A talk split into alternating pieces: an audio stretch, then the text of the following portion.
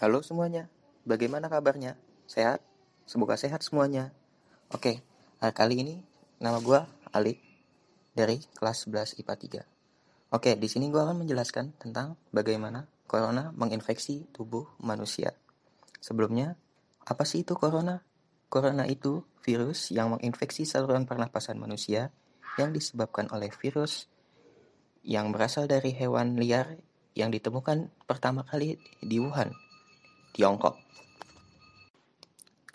Awalnya, warga di Wuhan biasa saja dengan virus corona tersebut karena mereka yakin ini hanya penyakit pernapasan biasa. Namun, setelahnya virus itu menyebar ke seluruh bukan hanya di kota Wuhan saja, namun menyerang ke seluruh Tiongkok. Bahkan sekarang hampir semua negara di dunia melaporkan kasus virus COVID-19.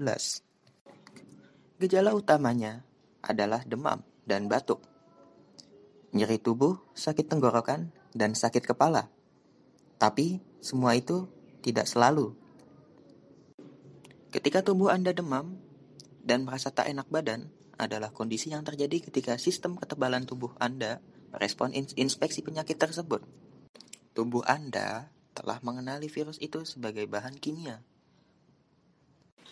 Dan bahan kimia ini menggalang sistem kekebalan tubuh, tetapi juga menyebabkan tubuh nyeri, sakit, dan demam. Batuk akibat virus corona pada mulanya adalah batuk yang beberapa orang akhirnya mulai batuk berdahak.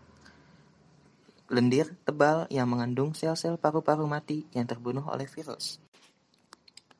Virus Cara pencegahan virus corona yang pertama, social distancing, jaga jarak. Kita jaga jarak dengan orang lain yang berada di sekitar kita dengan radius 1 sampai 2 meter. Yang kedua, hindari kerumunan massa. Kerumunan massa terdiri dari orang-orang yang nggak kita nggak tahu dari mana pun, dari mana aja.